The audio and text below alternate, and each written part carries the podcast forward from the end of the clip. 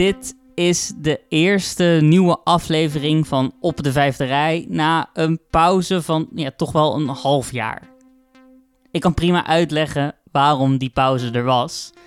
Ik heb namelijk een baby gekregen. En die baby die maakt de hele dag dit soort geluiden.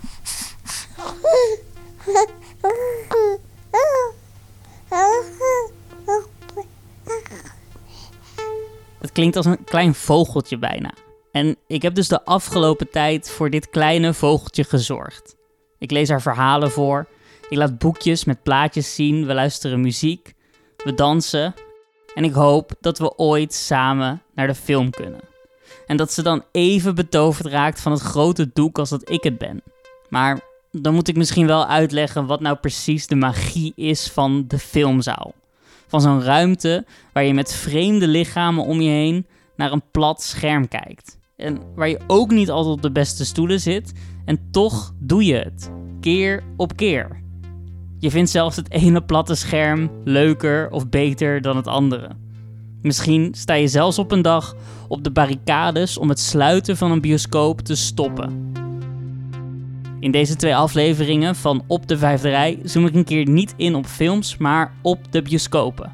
En wat voor bijzondere plekken dat zijn. Niet alleen voor mij, maar voor heel veel mensen. En ik hoop op een dag ook voor dit kleine vogeltje in mijn armen. Welkom bij Op de Vijfde Rij in de magische bioscoop.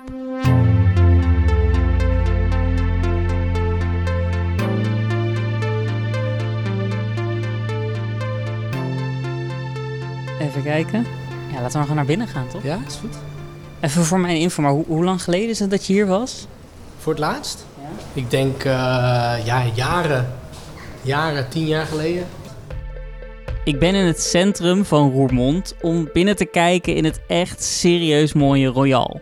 Ik wist wel dat het mooi ging zijn van binnen, maar het is echt, het, alle hoekjes zijn gedecoreerd, alles heeft een klein motiefje of, of een beetje, ja. Je ziet het, die, die lampen zijn nog heel erg art deco ook. Die eh, zouden er zo vanaf de jaren 30 kunnen hangen. Ik weet niet of dat zo is, maar... Ik zie deze lampen wel eens op van die meubelveilingen voorbij. Het is echt heel duur. ja. Mogen we die lampen meenemen? meneer? Deze bioscoop staat te koop. Voor 1,6 miljoen kun je de eigenaar worden van een Art Deco cinema met rood plusje tapijt, originele houten wanden, zo'n bruine plakkerige bar en decoraties in echt wel elke hoek die je ziet. Dit is zo'n goudkleurige bioscoop zoals die in je herinneringen bestaat. En mocht je hem kopen, dan kun je dat natuurlijk ook gewoon allemaal eruit slopen. De advertentie op horecatekoop.nl zegt: Het object biedt diverse exploitatiemogelijkheden waarbij gedacht kan worden aan bijvoorbeeld een combinatie van uitgaan, dineren met entertainment, grootschalige restaurantformules, een indoor speelparadijs, party- en congrescentrum en dergelijke, maar ook voor detailhandel zijn hier kansen aanwezig. Even kijken hoor, er zijn wel ook heel veel foto's meteen. Royaal Theater. Zeg je Royaal of Royal? Royal zeg je, denk ik. Ja. Is dat Roermonds Royal? In Roermond zeggen ze Royal. Je kan ook Royal zeggen, maar dan moet je naar huis. Ik ben hier op bezoek met filmmaker Jeroen Hoebe. Hij maakte de film The Matchmaker en komt volgend jaar met zijn opvolger Torch Song. Dat hij überhaupt filmmaker is geworden, komt mede door de plek waar we nu zijn, de Royaal. Dit was sinds 1932 de cinema van Roermond. En Jeroen ontdekte hier de magie van film. Hij was er zo verliefd op dat hij er tien jaar geleden een mini-docu over maakte. Toen liep het hier al niet meer zo lekker.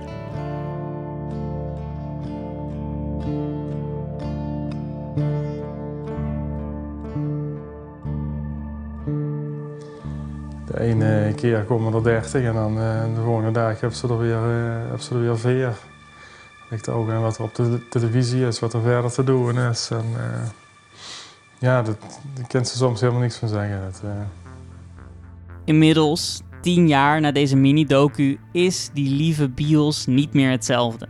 Dat weet ook eigenaar Tom Tiemans. Maar tien jaar geleden, toen hij in Jeroens documentaire zat, toen had hij dus echt geen flauw benul van hoe zijn leven nu zou zijn. Want even voor, voor de duidelijkheid, wat heeft de toekomst gebracht sinds die tijd? Ja, we zitten nu in de zalen voor uur, evenementen. Dus uit de bioscoopwereld. Toms opa begon deze cinema in Art Deco-stijl midden in het Roermondse centrum. Heel lang was het een heel groot succes. Maar toen veranderde de bouw van een Cineplex in de buurt van het outletcentrum van Roermond. En dat is ook nog naast een snelweg. Ja, dat veranderde alles. De bezoekers bleven weg en mede daarom is de Royaal nu alleen nog te huren voor evenementen, bedrijfsfeesten en groep 8 musicals. Ja, het is ook alweer anders dan uh, hoe ik het me herinner. Grappig genoeg. Het is gewoon wat. Uh, ja, het is natuurlijk iets meer ingericht op uh, inderdaad zalenverhuur. En de laatste keer dat ik hier was, was het nog echt bioscoop. Weliswaar was het toen al een beetje. Jullie hadden al moeilijk hè, in die tijd. Hmm. Het was toen was er al een nieuwe bioscoop geopend aan de andere kant van de stad. Met zes zalen, een soort grote multiplex. En uh, dus het was toen al tijdens die docu, dat was, daar ging het ook een beetje over dat deze uh, soort van toch een beetje de ouderwetse bioscoop, jaren 30 gevoel, dat dat heel erg moest opboksen tegen zo'n hele grote. Klinische. Ja, een soort klinische multiplex bioscoop, moderne bioscoop eigenlijk. Ja. Als ik even vraag naar jouw oudste herinnering van hier binnenkomen. Je zegt ook het is veranderd, maar waarschijnlijk je stond ook lager natuurlijk. Ja, alles was uh, vijf keer zo groot. Want ik kwam hier voor het eerst. Ik heb het uh, een paar jaar geleden opgezocht. Wat dan mijn eerste, allereerste bioscoopfilm moet zijn geweest. En toen kwam ik tot de conclusie dat dat rond mijn vierde verjaardag was. Toen ben ik naar uh, De Kleine Zeemermin geweest. Um, en daarna heel veel. Ik denk dat ik je alle Disney-films die draaiden, die heb ik je allemaal zo gezien, zo op al die leeftijden. Maar dat was ongeveer de eerste. De plek waar je je allereerste Disney-film ziet is heilig. Niet heilig zoals de koeien in India heilig, maar het is wel altijd iets waar je warm aan kunt terugdenken. En het pijnlijke meteen aan het hebben van herinneringen is dat je nooit helemaal de baas erover bent. De tijden kunnen veranderen en opeens is die bioscoop uit je jeugd geen bioscoop meer. Dan is je herinnering dus toch een stukje minder tastbaar. Een klein beetje van je afgenomen. En dat gevoel, dat gevoel dat je herinneringen niet meer van jou zijn, daar zullen we de komende tijd misschien toch aan moeten wennen. Want ja, de meeste bioscopen veranderen constant. Ze moeten mee met de tijd, worden verbouwd, verkocht en alleen als je heel veel geluk hebt, is er iemand die ze kan beschermen. Als het even mee zit, zijn misschien Jeroen en ik dat wel. 1,6 miljoen. Even kijken wie, daar, uh, wie dat uit zijn zak wil trekken.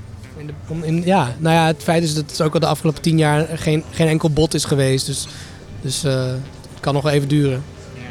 Ah, misschien maak je binnenkort weer een, een film die gewoon 1,6 miljoen oplevert. Aan mij, die, die mij persoonlijk 1,6 miljoen oplevert. Ja, als het zover is, dan uh, gaan we praten. Horecatekoop.nl, we komen eraan.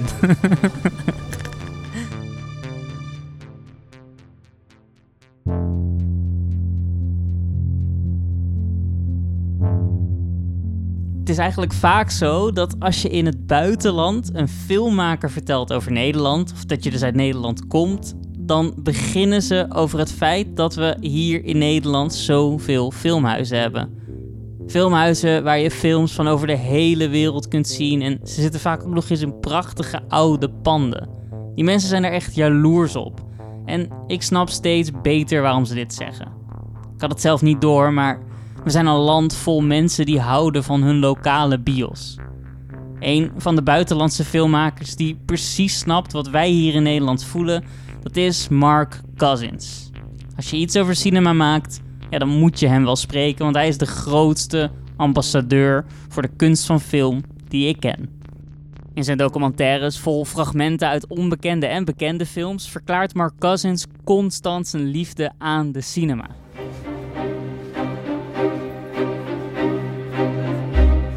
With all its talk of box office, the film business would have us believe that money drives movies.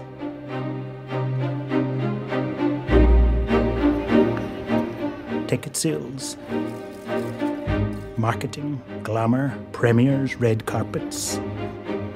But it doesn't. Money doesn't drive cinema. The money men don't know the secrets of the human heart or the brilliance of the medium of film.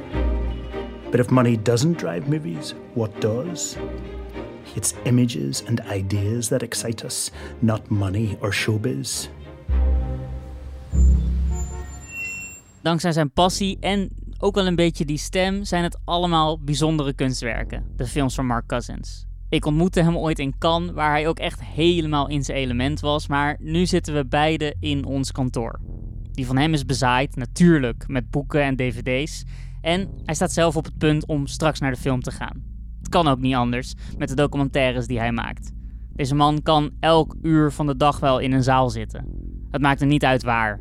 Hij wil het overal ter wereld zien. Zijn documentaire The Story of Film over de magie van film kijken bracht hem bijvoorbeeld naar een heel uniek zaaltje in West-Afrika. I remember making when we were making the story of film. I went to West Africa and we found this open air cinema, um, and it said on it, "Le, le cinéma c'est la cœur du village." The cinema is the heart of a village, and uh, and what a brilliant thing to say. Het filmhuis is het hart van je stad. Ik geloof in zo'n slogan, want ik ben zo'n romantische filmkijker die sociaal naar de film wil. Ik bel vrienden, kennissen, mensen die ik misschien al een jaar niet spreek, als ik denk dat een film bij ze past en dan vind ik dat we samen moeten gaan. Ook al is volgens Mark Cousins cinema juist het tegenovergestelde. People say that cinemas are to get together as a social place and to laugh and cry together and enjoy an experience. I think exactly the opposite. You know, you're never more alone than in a cinema. It's just you and this luminous, massive screen. The only time you're more alone is in your dreams, I think. You know, apart from that, it's extremely solitary. That's why cinema attracts outsiders so much and shy people so much. It's a place where shy people can blossom and come alive. You know, it's a place of massive, you know, it, you know, direct encounter with the luminous sublime. Uh, and so, you know, it's okay to talk in slightly religious terms like that because it's a sort of slightly religious experience, you know, and that's hopefully why it won't go away.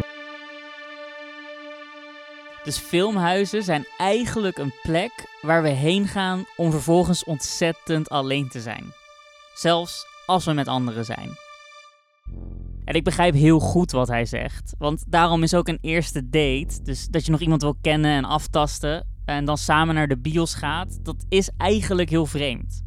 Als je iemand wil leren kennen, dan moet je met elkaar praten. Dan moet je samen zijn en dat ben je gewoon bij de film niet. Daar ben je twee uur op een dus bijna religieus niveau alleen met wat je denkt en voelt. Maar goed, er is eigenlijk een reden dat ik Mark bel en ik zie het eigenlijk al door deze zoom heen op zijn gezicht. Hij is somber en dat heeft te maken met zijn eigen favoriete filmhuis. So Film House here in Edinburgh, Scotland, where I am, was, you know, our cinematheque, and it was started in the 70s, I think, although we had a film guild, one of the first film guilds in the world. And uh, it has always struggled because this is a relatively small city, but it's done well. Um, but it, it Mark zijn favoriete bios, het Filmhouse in Edinburgh, is failliet. Dat is voor een filmmaker een beetje alsof je zegt dat zijn favoriete familielid moet worden onthoofd. Hij zat op precies ditzelfde kantoor waar hij nu zit toen hij het nieuws hoorde. I had been on the board of Filmhouse, so I knew there were financial difficulties, you know. But when I heard of its closure, immediate closure, I was actually shocked. I'm tempor- temporarily, can you hear? I live beside a hospital, so I don't know if you can hear an ambulance behind me, but it happens quite regularly. It's, a, it's always a reminder of life and death for me. Um, I'm tempor- temporarily and temperamentally an optimist, but it um, made me feel, you know, that my li- my art form, my you know, the thing that makes me happy and joyous and alive, cinema going, it made me feel for the first time that maybe that's at risk. Voor het eerst in zijn leven voelde filmmaker Mark Cousins dat film, datgene wat voor hem het allerbelangrijkste is, risico liep. Hoe kon dit zover komen? It wasn't great coming out of COVID. You know, it was too circumspect. It didn't welcome enough. It had problems. It wasn't attracting younger audiences enough. But anyway, it decided it was advised to close. And the reason it closed is it had accrued a, a debt of under half a million euros, something in that area. But um, that so that's a lot of money. But um, here's the complex thing, and it'll take a moment to explain this. This was Het probleem met het filmhuis was nou, natuurlijk ook COVID en een gebrek aan jong publiek. En uiteindelijk dat het een semi-publiek bedrijf was. Of nou ja, een privaat bedrijf, wat dus voldeed aan een publieke taak. En dat bedrijf ging failliet en dat faillissement werd vervolgens overgekocht. Bedrijven doen dat, want op schuld kun je goed leven. Je koopt iets wat op instorten staat, rekent administratiekosten, komt eigenlijk bewijzen dat je van een kale kip kunt plukken omdat er altijd nog wel ergens een kipkluif aan zit. De nieuwe eigenaar besloot al heel snel geen doorstart te maken met Filmhouse. Some people have made an awful lot of money out of the death of our cinematheque. Samen met zo'n beetje de hele Schotse filmwereld, grote namen zoals Tilda Swinton, stond Mark Cousins ook op de barricades voor dit filmhuis. Luister bijvoorbeeld naar Succession-acteur Brian Cox, die je misschien beter kent als Logan Roy, die dit op Instagram plaatste. This is an appeal on behalf of the Edinburgh Film House.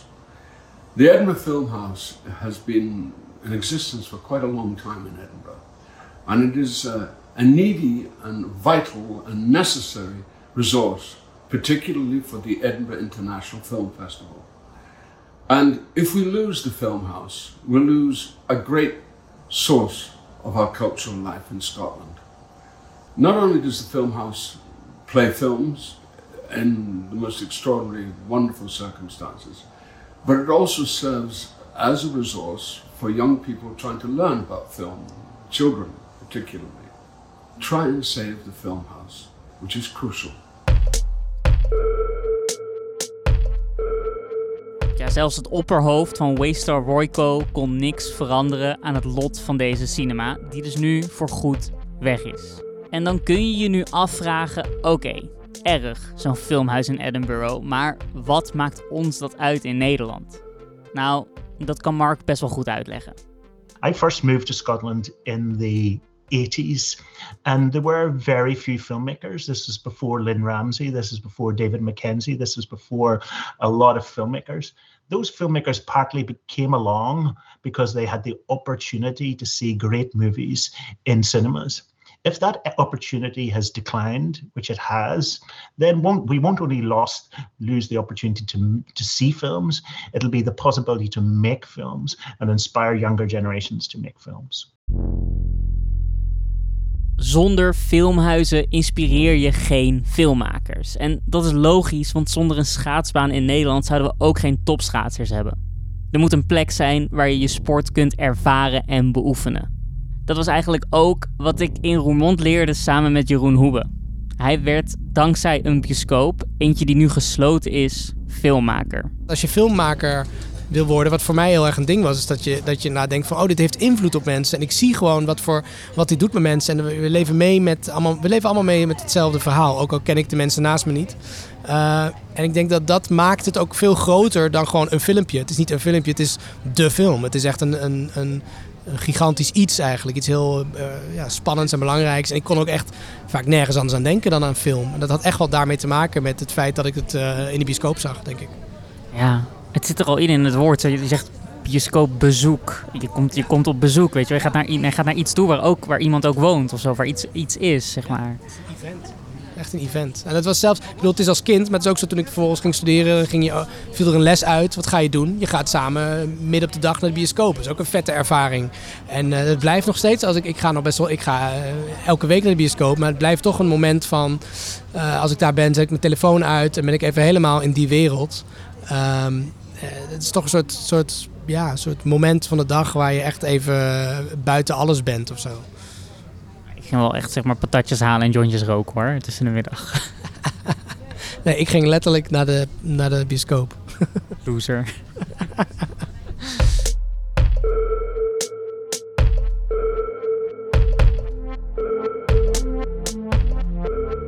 Na het nogal treurige einde van Filmhouse Edinburgh en het verstoffende Limburgse Royaal zoek ik troost.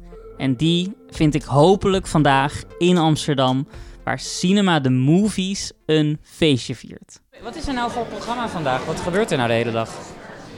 We hebben vandaag de, uh, donateursdagen. Oftewel iedereen die uh, heeft mee, bijgedragen bij uh, de crowdfundingsactie over het renoveren van zaal 1. Die zetten we vandaag in het zonnetje. Die mogen als eerste rondkijken in deze oude, nieuwe movies. Oh, dit zijn de diehard, de movies fans. Ja, absoluut. Ik ben wel de jongste, hè? Ja, dat, kan- dat klopt.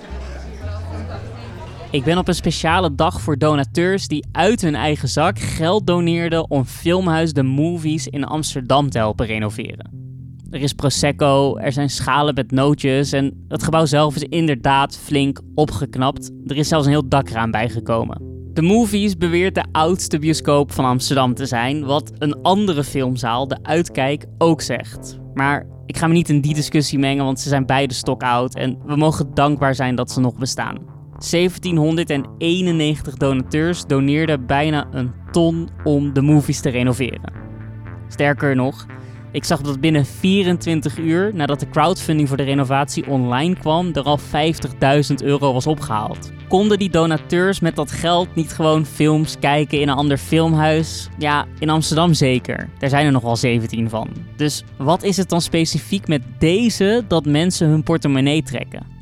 Ja, er is een soort verliefdheid voor nodig. Iets waarvoor je terugkomt. Iets wat niet te zien is op het grote doek wanneer de film start, maar op de momenten ertussen waarschijnlijk. Terwijl ik rondloop ontmoet ik Valentijn Hogekamp, schrijver. En in de roman Het aanbidden van Louis Klaus schrijft Valentijn over juist deze aantrekkingskracht van de movies. Waarom moest het de movies zijn toen je aan je boek schreef? Ehm, ik wilde graag een eerste date. En ik zou, als ik op een eerste date ging, dan wil je toch iemand een beetje imponeren. En de movies is dan echt zo'n plek van: kijk, ik heb smaak. Kijk dit tapijt. Ik weet wat het goede leven is. Ik vind wel dat je hier een beetje kunt uitpakken. En het heeft ook wel een beetje die intieme sfeer. Het is niet te groot. Het is geen grote paté. Dus je hebt wel een klein beetje al dat. Zullen we gaan zoenen? Want we zitten in een klein intiem zaaltje, toch? Ja, movies is voor lovers. Je had heel veel moeten doneren voor deze heropening. Ik heb geen cent gegeven, maar ik ben blij dat het er is. Valentijn en ik staan midden in de vernieuwde The Movies tijdens deze heropening. En voor al die mensen die doneerden en die hier rondlopen, zodat dit filmhuis een facelift kon krijgen, heb ik nog steeds maar één vraag. Waarom hebben jullie gedoneerd? Ik ben gewoon wel benieuwd. Het kwam onmiddellijk in me op ja, dat ga ik doen. Movies is anders dan andere bioscopen. We hadden het er net over. Is een soort rare liefde die je ervoor voelt. De sfeer. Het is, ja, daar gaan we aan. Daar ga ik aan, wil ik aan meedoen. Heel raar. Ik doe dat soort dingen zelden, maar voor de movies, ja, meteen. Het is geen paté met popcorn en massaal. En, ik weet het niet. Noem je dat? Zakjes met dingen erin die lawaai maken. En het is gewoon anders. Het is kleinschaliger, vriendelijk, een beetje kneuterig. Maar ja, heerlijk. Dat is het. En als, je, als jij dat zelf niet kent, dan moet je gewoon dat vooral gaan leren kennen. Want het is, dan voel je het. Het is anders. Het is echt moeilijk uit te leggen, maar voornamelijk de sfeer. Ja, en goede films. Ja, goede films, maar ook een nogal groot en duidelijk gebrek. Nee, we kwamen niet voor de stoelen. Nee, ik nam altijd een kussentje mee voor in mijn rug. en toch gaan hoor. Dat is liefde.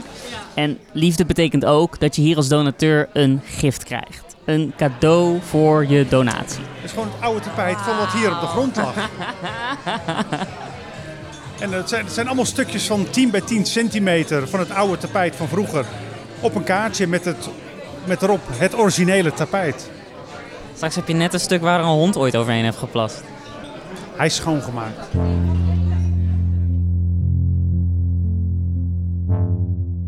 Ik vind het echt leuk hier, in die vernieuwde movies. De betere stoelen, de gratis prosecco. Maar er is ook iets wat me meer opvalt nog dan het nieuwe tapijt of dakraam. En dat is de gemiddelde leeftijd van elke donateur hier binnen.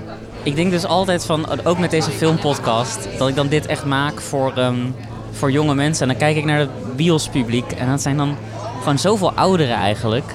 Ja, ik heb het gevoel dat jonge mensen liever met één of twee mensen thuis blijven onder een dekentje met eh, beamer erbij of de laptop erbij. Dat die liever in intimiteit films kijken dan met een hele grote groep vreemden, met een random bunch of strangers. Ik wil niet existentieel klinken. Jonge mensen hebben ook nou eenmaal minder besteedbaar budget, maar toch. Het is geen vrolijk inzicht dat een van de oudste filmhuizen van ons land weinig jonge fans trekt.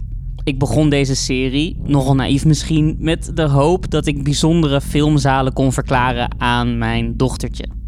En terwijl ik naar heinde en verre reis om magische filmzalen te eren, zijn er genoeg geluiden van mensen die de cinema iets van het verleden vinden. Luister bijvoorbeeld naar bodyhorror filmmaker David Cronenberg. Hij zegt, nota bene op het filmfestival van Venetië, tegen een zaal vol filmpers dat de bioscoopbezoeken iets nostalgisch is.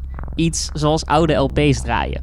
We had a panel here. I was talking with Spike Lee and, and some other uh, colleagues in cinema about the nostalgia there is for the old days of cinema where you would have a community worshiping at the in the church of cinema I think cinema is has been permanently disrupted. I think it will never be the same, and I think uh, it, it, might be like uh, vinyl records, perhaps, or people who still type on typewriters. You know, it, it will be a retro activity.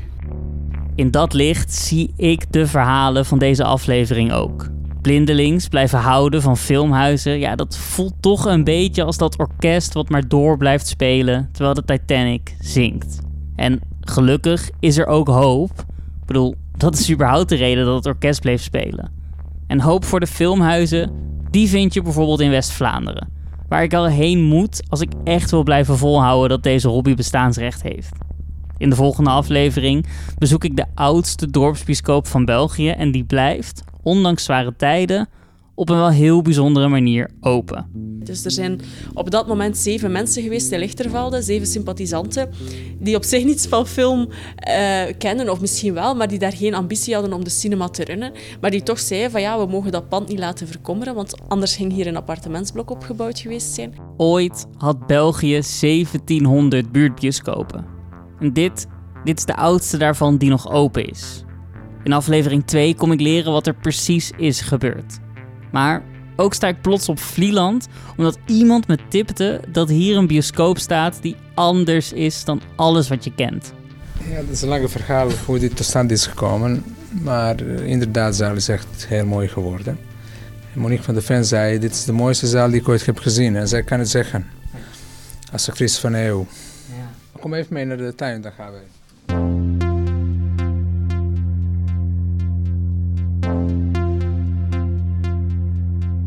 Je luisterde naar een aflevering van Op de Vijfde Rij, een productie van VPRO Cinema en AI Filmmuseum. De volgende aflevering van dit tweeluik kun je nu al beluisteren in je podcast-app en ik zou het enorm waarderen als je daar ook een recensie, een hartje of wat dan ook achterlaat. Op de Vijfde Rij wordt gemaakt door mij, Cesar Majorana, samen met eindredacteur Jelle Schot, redacteur Anna Meijer en editor Friedjof Kalf. De soundtrack is van Julius Jongsma het artwork werd gemaakt door Aafke Bouwman. Met dank aan Lisette Ruitenberg, Mila Slingeman, Ronald Simons, Tibor Dekker, Fabian Dams en natuurlijk iedereen die ik voor deze aflevering sprak, interviewde en al die filmzalen die hun deuren voor mij openden. Bedankt voor het luisteren.